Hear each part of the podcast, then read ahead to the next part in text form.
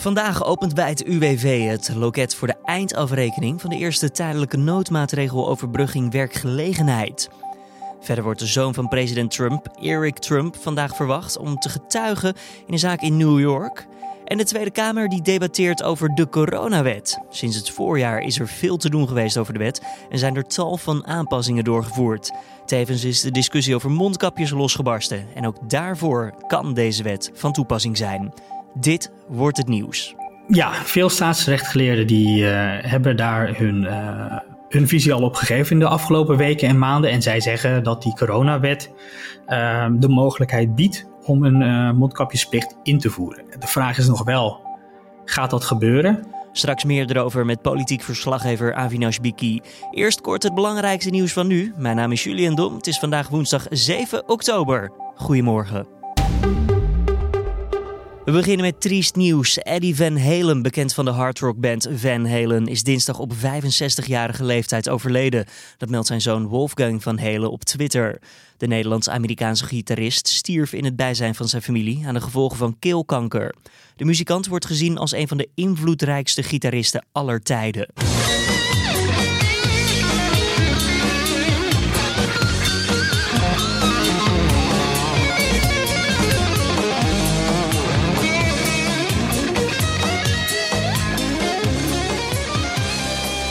Daar hoorde je een fragment uit Jump. Ook zijn andere solo's op nummers als Running with the Devil, Panama en Eruption beïnvloeden vandaag de dag veel andere gitaristen. En we zijn nog een muzikale grootheid verloren. De Amerikaanse zanger Johnny Nash is namelijk op 80-jarige leeftijd overleden. Dat meldt zijn zoon tegen entertainmentwebsite TMZ. Nash is onder meer bekend van het nummer I Can See Clearly Now. I can see clearly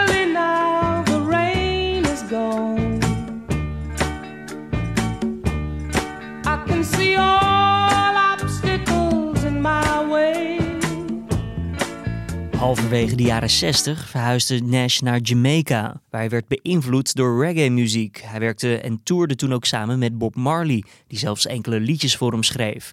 Zijn grootste hit in Nederland was Tears on My Pillow. De Amerikaanse president Donald Trump weigert verder te onderhandelen met democratische beleidsmakers over een uitgebreid economisch steunpakket waarmee de klappen van de coronacrisis opgevangen moeten worden. Pas na de verkiezingen op 3 november wil hij, als hij wint, een wetsvoorstel voor een groot stimuleringspakket aannemen. De president ziet liever dat de Senaat zich nu focust op de goedkeuring van Amy Coney Barrett, zijn kandidaat voor het Hoge Rechtshof en potentiële opvolger van Ruth Bader Ginsburg. Democraten en Republikeinen in het congres kunnen het ondertussen al maanden niet eens worden over een stimuleringsfonds. Een buschauffeur in Amsterdam is dinsdagmiddag op klaarlichte dag zwaar mishandeld. De man is met verwondingen opgenomen in het ziekenhuis, dat meldt vervoersbedrijf GVB. De mishandeling is gefilmd en beelden zijn verschenen op geen stel. Daarop is zichtbaar dat de dader op het hoofd van de chauffeur staat. Wat er aan het geweld is voorafgegaan is niet duidelijk. De GVB bestudeert alle beelden.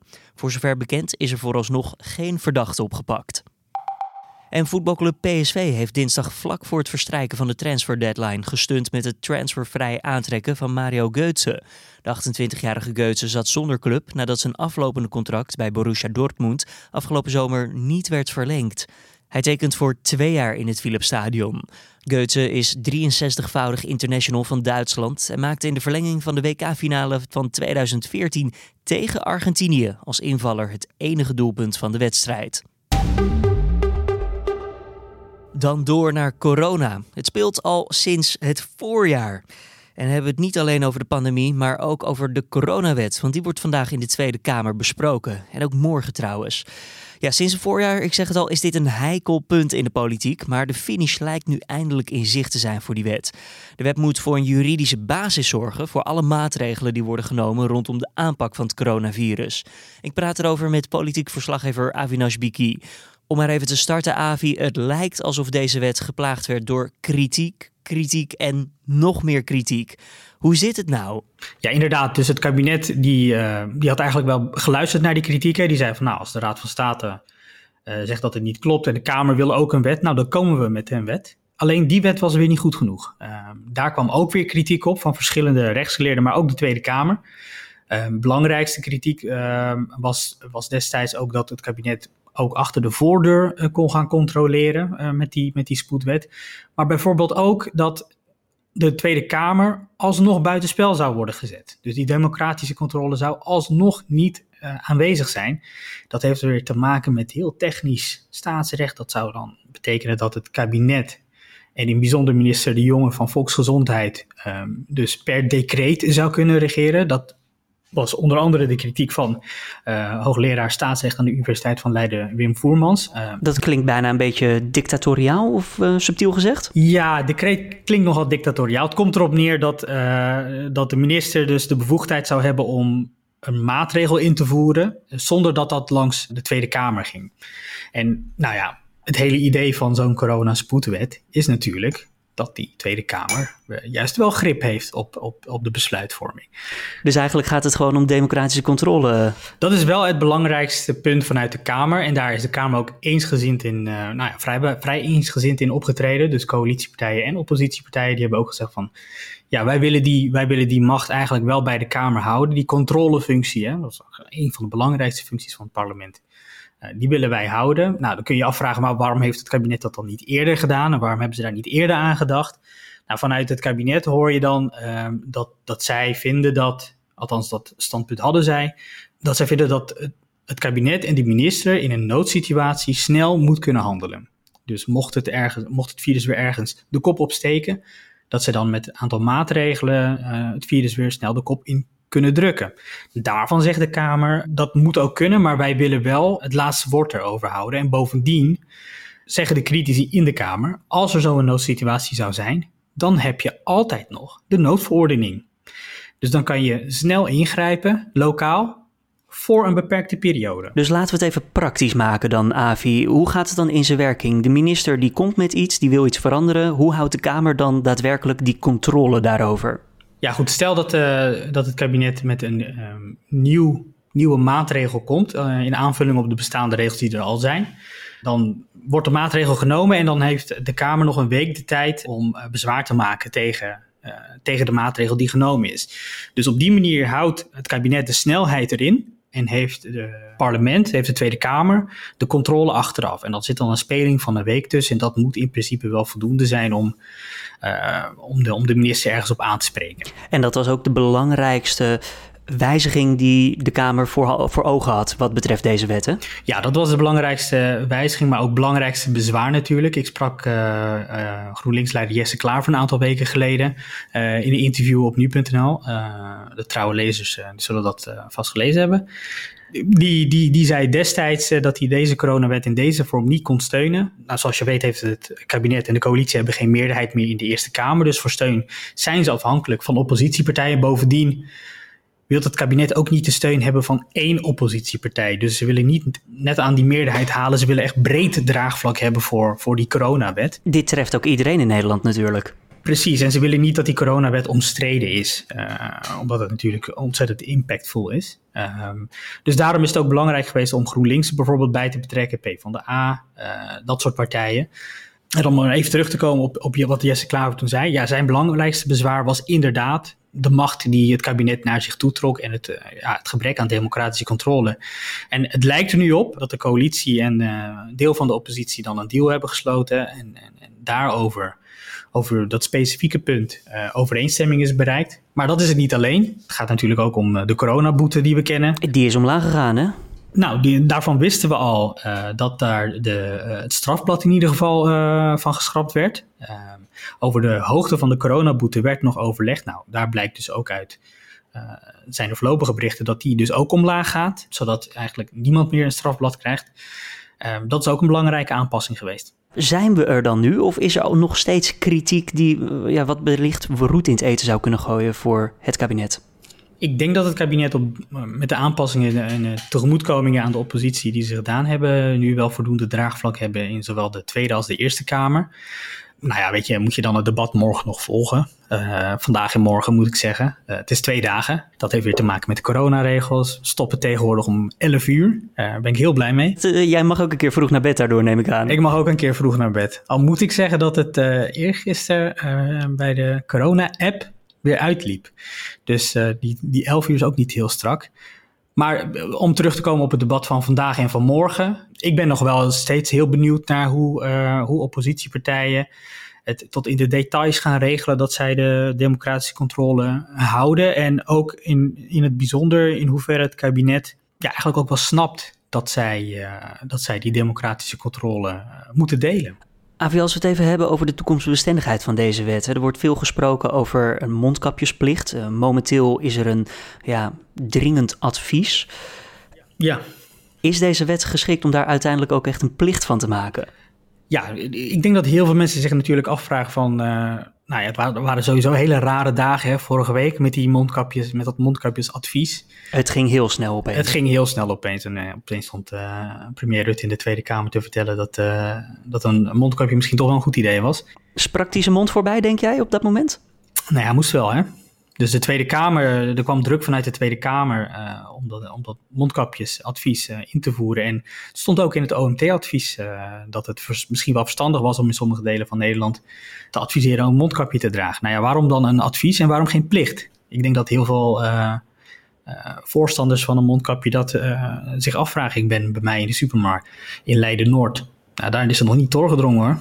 dragen mensen geen mondkapje. Ik was daar zo wat de enige. Hier in Heemskerk, waar ik woon, uh, bij de ene supermarkt waar ik kwam, was ik de enige met een mondkapje. En bij de andere, zowel personeel als de klandizie, ja. allemaal een mondkapje. De wereld van verschil. Ja, precies. En als zolang het een advies blijft, blijft het natuurlijk onduidelijk. Ik, ik begrijp dat, uh, dat uh, de veiligheidsregio, de burgemeesters daar ook ja, kritiek op hebben. Zij vinden ook wel dat er duidelijkheid over moet komen. En dan terug naar de kern. Waarom geen advies? Waarom een advies en waarom geen plicht? Leg uit. Dat heeft er alles mee te maken. Daar komt hij.